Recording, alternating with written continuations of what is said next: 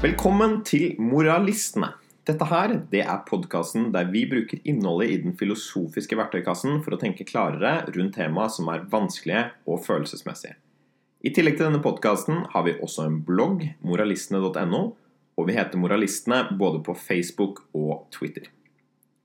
Denne episoden handler om aktiv dødshjelp, og den er et innspilling av et foredrag som en av oss moralistene, Ole Martin Moen, holdt for foreningen Retten til en verdig død. Tusen takk for invitasjonen til å komme hit. Eh, som nevnt skriver jeg altså en bok om aktiv dødshjelp sammen med Aksel Brånen Sterri. Eh, vi har også fått et lite skrivestipend til dette fra foreningen Retten til en verdig død, noe vi er veldig takknemlige for. Eh, det vi har hatt som mål for denne boken, og som kanskje forklarer også hvorfor den er litt forsinket, er uh, at vi, skal, vi ønsker å både fange den internasjonale debatten og på den pågående norske samfunnsdebatten. Men på begge sider skjer det ganske mye. Eh, internasjonalt er dette et stort felt, og i Norge er det altså en debatt som ganske kontinuerlig raser eh, i, i, kommentarfeltene. Eh, det har eh, og Noen ganger så går også disse over i hverandre. Morten Magelsen, en norsk medisinsk etiker, er både en ivrig stemme i den norske debatten og også skrevet veldig interessant bare de siste månedene om problemene knyttet til aktiv dødshjelp i tilfelle eh, psykiatriske lidelser. Eh, så her skjer det veldig mye, og vi har et mål om å prøve å fange alt. og Det har altså gjort at vi dessverre er litt forsinket med den, men den kommer. Eh, jeg skal prøve å si litt om her, er ikke hele debatten om aktiv dødshjelp og alt vi argumenterer for i denne boken.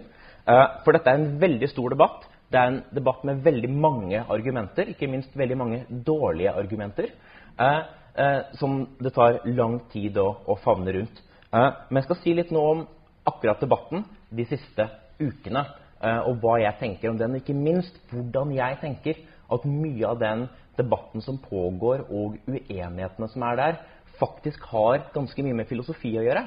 Og hva slags filosofiske forutsetninger vi legger til grunn.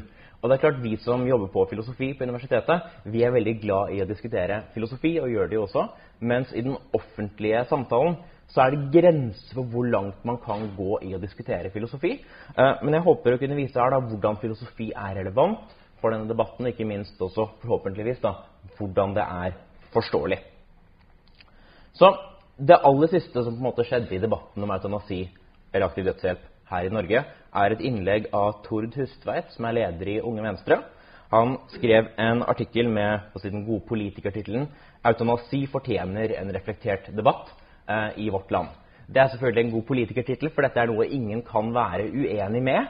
Eh, alle ønsker en reflektert debatt.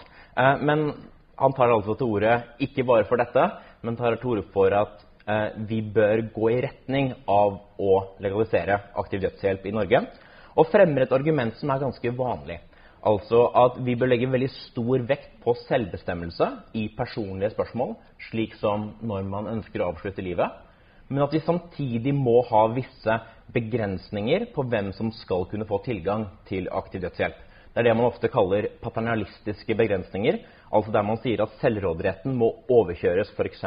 av staten. Altså at staten, staten, opptrer som en pater, altså som en far, en forelder, som i noen grad har en overformyndende rolle.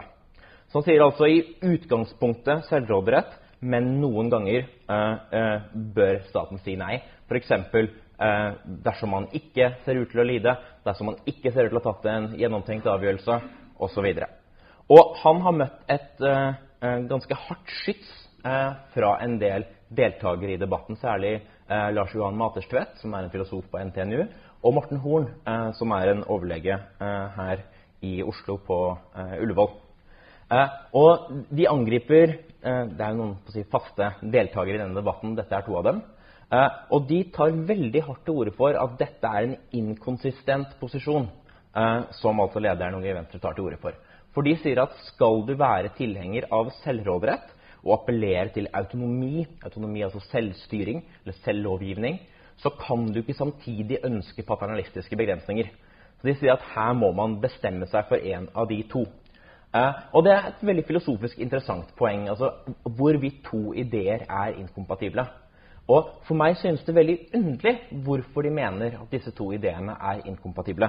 Det er klart, En tanke om personlig frihet og en tanke om statlig overstyring eller begrensning de står i, en, i et visst motsetningsforhold til hverandre. Men i veldig mange biter av samfunnet så har vi konflikterende verdier. Eh, man kan mene at vi i utgangspunktet bør legge veldig stor vekt på selvbestemmelse, men tenke at dette er ikke nødvendigvis noe som trumfer i alle sammenhenger. Så det kan være andre forhold som veier tyngre i noen sammenhenger. Det fikk vi høre litt om i det forrige foredraget. Man kan mene dette fordi man er en såkalt pluralist, altså man mener flere ting er verdt å, verdt å, å kjempe for. Eller man kan selv som utilitarist, jeg er vel i retning av en utilitarist selv, så kan man mene at det likevel finnes en eller annen videre standard der, da, som gjør at man kan veie autonomi og paternalisme mot hverandre. Så det er klart, Hvis man med autonomi mente fullstendig selvbestemmelse, retten til å gjøre hva enn man ville, da ville det vært inkompatibelt å hevde at man skal ha visse eh, statlige begrensninger. Men hvis det man mener at dette er et utgangspunkt, og at vi trenger gode argumenter for å overkjøre noens selvbestemmelse, så er det ikke klart at det er en selvmotsigelse lenger. Så for meg synes som både Horn og Materstvedt tolker disse prinsippene som mye mer rigide, absolutte prinsipper enn hva de er ment å være. Og det er klart, Hvis du gjør motstanderen din i debatten veldig rigid og absolutt, så er det veldig mye lettere å argumentere mot vedkommende eh, enn hvis man ser på det som utgangspunkter, som er slik jeg tror Unge Venstre-lederen intenderer det.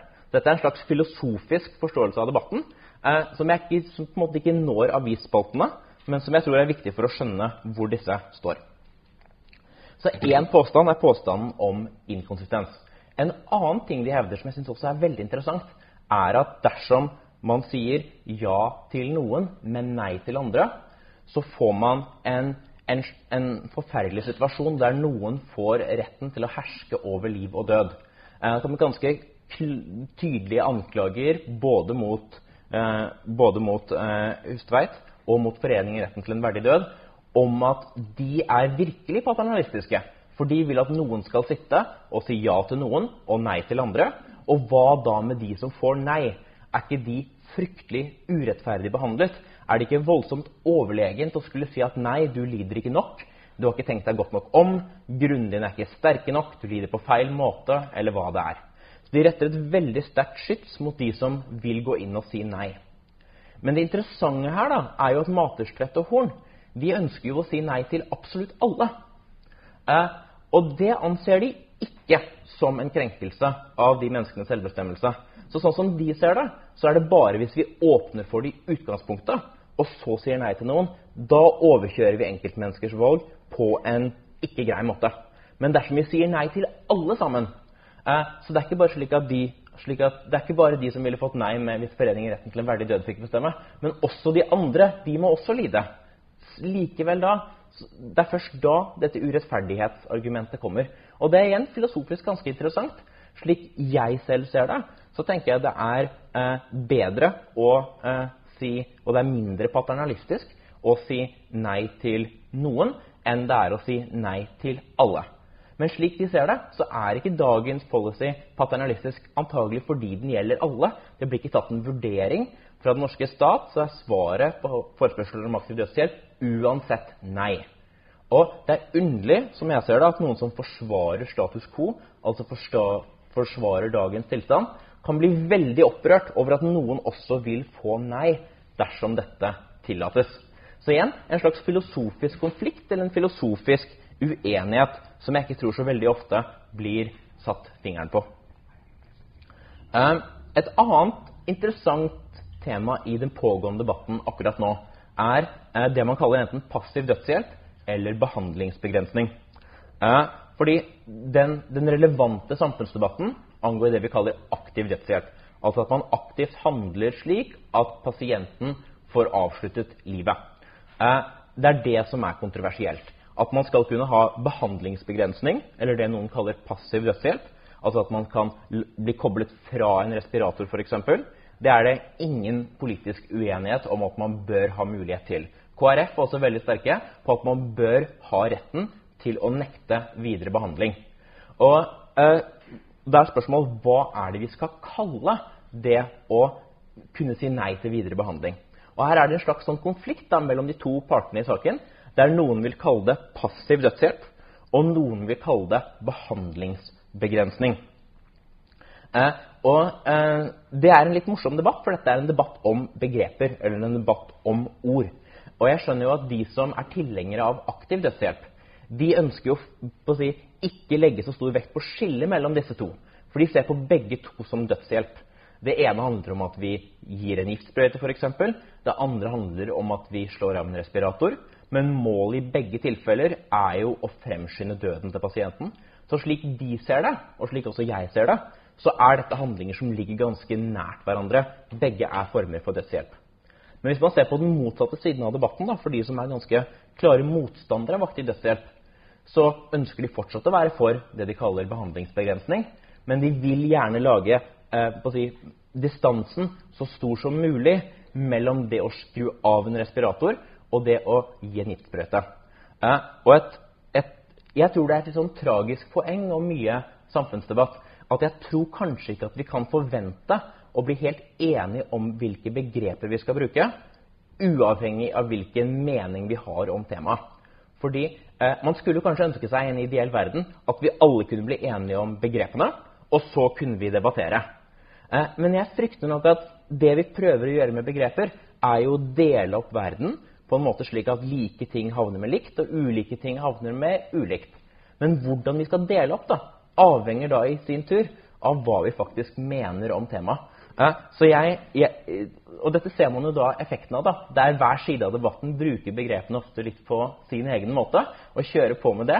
Eh, og jeg tror dessverre da begge parter kan være internt rettferdiggjort i å gjøre det. For det er ikke lett å avgjøre debatten om de begrepene, uavhengig av debatten om hva som er det, er det riktige synet. Jeg tror altså begrepene våre der er altså ikke nøytrale. Men vi kan uansett da, hva vi kaller dette, så kan vi prøve å isolere temaet og diskutere temaet. Altså hvorvidt det er en dyp og en etisk relevant forskjell på eh, behandlingsbegrensning, hvis jeg på en måte skal bruke motpartens begreper, og aktiv dødshjelp. Og Slik de ser det, er det altså et veldig sterkt skille mellom disse to, der det ene veldig tydelig er greit, og det andre veldig tydelig ikke er greit. Og Da er det jo spennende å spørre, da, sånn filosofisk, hvis det er så stor etisk forskjell på disse to, hva er det den forskjellen består i? Hvis to ting skal være etisk forskjellige, så må det i utgangspunktet også være to forskjellige ting. Da må det være et eller annet der ute som kan forklare hvorfor vi skal behandle dem forskjellig etisk og også juridisk.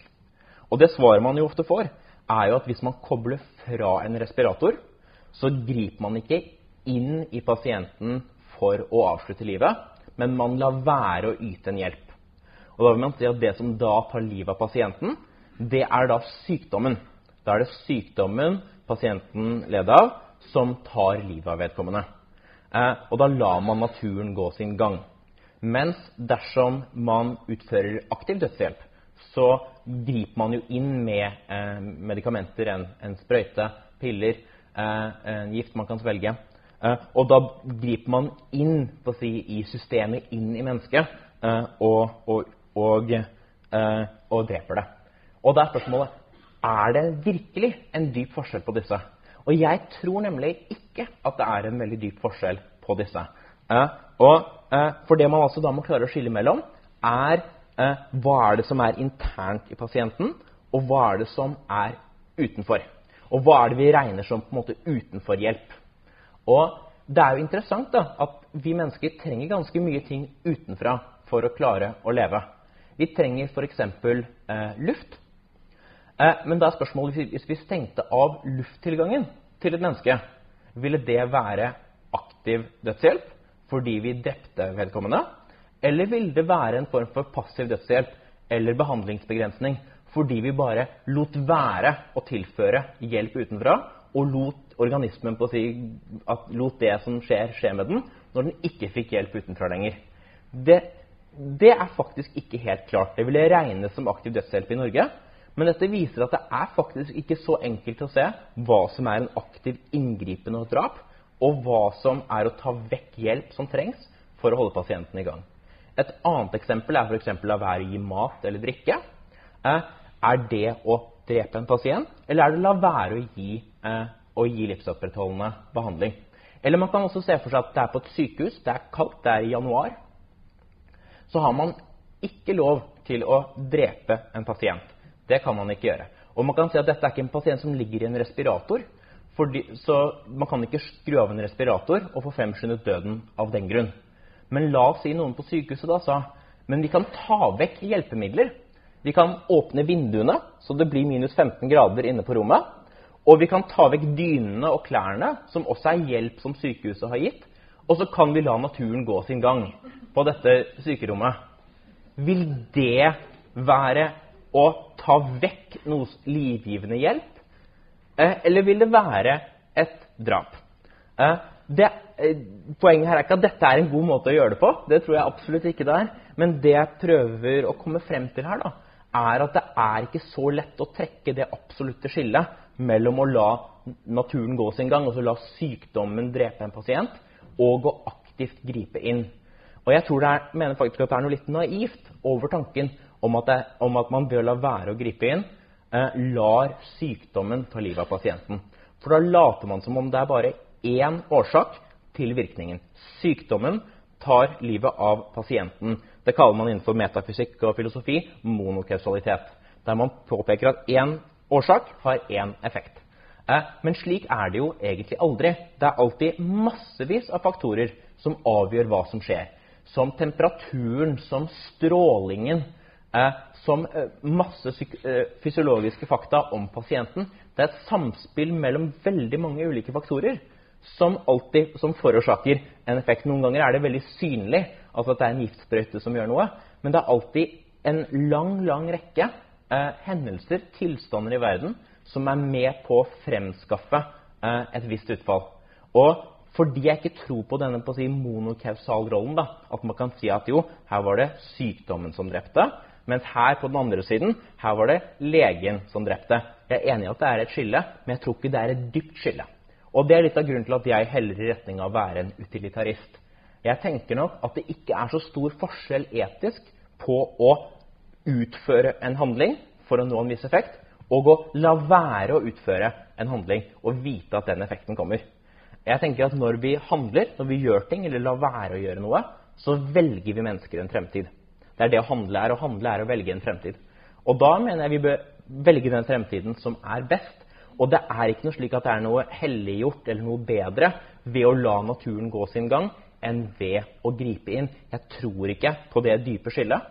Og Her prøver jeg å kaste litt lys over hvordan nettopp en diskusjon om ganske kompliserte ting da, innenfor filosofi, og særlig metafysikk da, Jeg tror det er noen forskjeller der som er med på å forklare hvorfor folk har de ulike synene som de har i aktiv dødshjelp, uten at dette er noe vi kan diskutere i VG, kanskje Morgenbladet. Eh, men det er liksom noe som ikke kommer så lett til overflaten. Så det siste jeg skal si noe om nå, er eh, aktiv dødshjelp-debatten og fagekspertise. Det er altså noe som har kommet opp i debatten i det siste, og som kom opp ganske tydelig i en debatt jeg var med på, var på Ullevål sykehus med Morten Horn. Eh, han er veldig tydelig i sine innlegg, hvor han er motstander av aktiv dødshjelp, på å omtale fagfolkene og fagekspertisen på feltet som leger, som han selv. Eh, og det virker som han, i hvert fall i denne debatten, egentlig vil ha seg litt frabedt at det kommer filosofer og andre og tramper inn på territoriet til legene. For dette er spørsmål om helse og sykdom, liv og død. Og dette er legenes domene, i hvert fall overlegenes domene. Han er selv overlege. Eh, og, og, her skal det ikke komme noen andre eh, og si noe, for dette er legenes felt. Og på en måte har han jo selvfølgelig rett. Som overlege i nevrologi så har jo han en mye nærmere kontakt med pasienter i et langt større antall enn jeg som fagfilosof har. Det er klart, Sykepleiere er nok kanskje ofte enda nærmere pasienter enn hva en lege, eller i hvert fall en overlege, er. Men han har jo i noen grad rett i at det er en pasientnærhet og en si, konkret, praktisk erfaring som han har, som jeg nok i utgangspunktet da ikke har. Eller som han iallfall tok for gitt at jeg ikke har. Eh, men jeg er ikke så sikker på om vi skal gi leger denne privilegerte rollen innenfor debatten om aktiv dødshjelp. For hva er det leger egentlig kan? Hva, hva, hva er det leger gjør? Eh, det er klart Legeyrket har veldig status. Det har høy lønn, godt ansett. Eh, men, og da er det lett å tenke at man på en måte er ekspertene om alt som har med liv og død og sykdom og helse å gjøre. Men det leger spesifikt kan, er jo å identifisere sykdommer og behandle sykdommer. Det er det leger gjør. De kan ha god erfaring med pasientkontakt, de kan være veldig flinke på mange områder, men det de er eksperter på, er jo nettopp å identifisere og behandle sykdommer.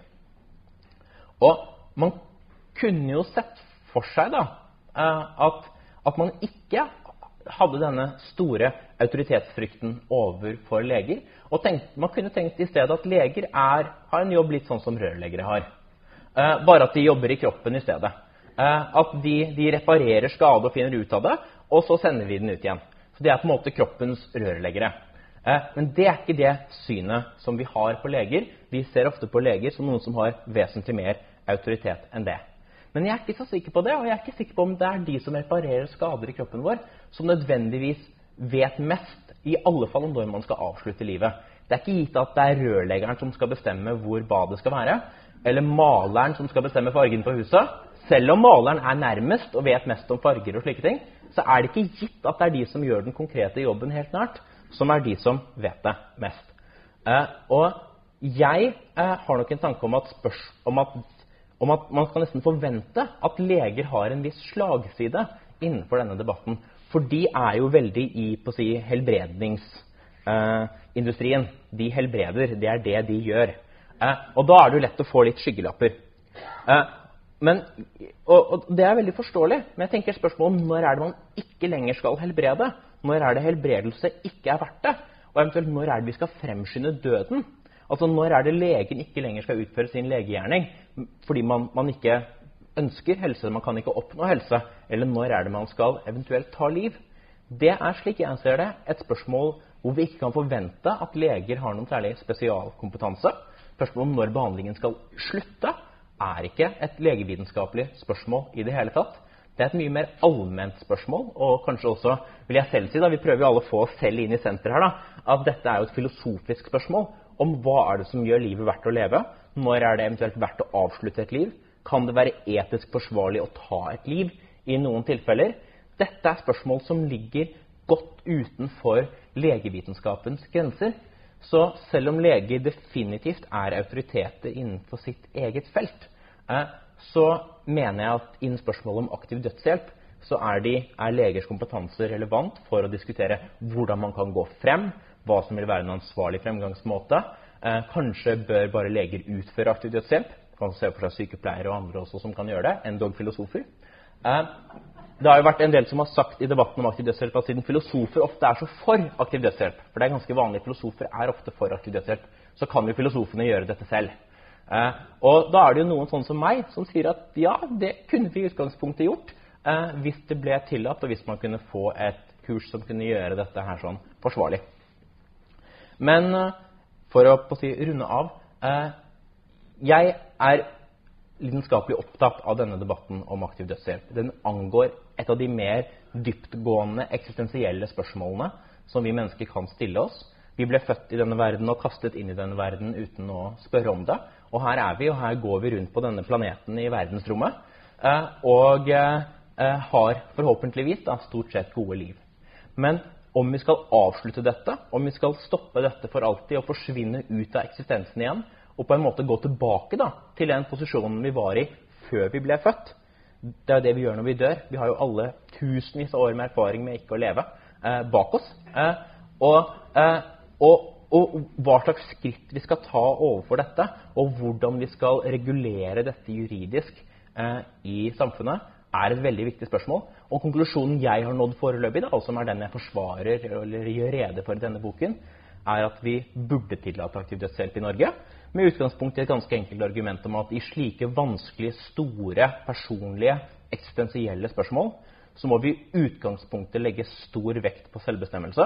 Og så må vi eventuelt spørre om det finnes faktorer som gjør at vi bør overkjøre selvbestemmelsen i, i visse tilfeller.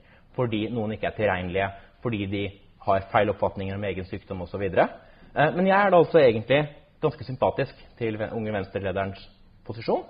Eh, og dette er jo da det standpunktet som da, når boken kommer ut, vil bli forsvart i mye, mye mer utførlig grad. Takk.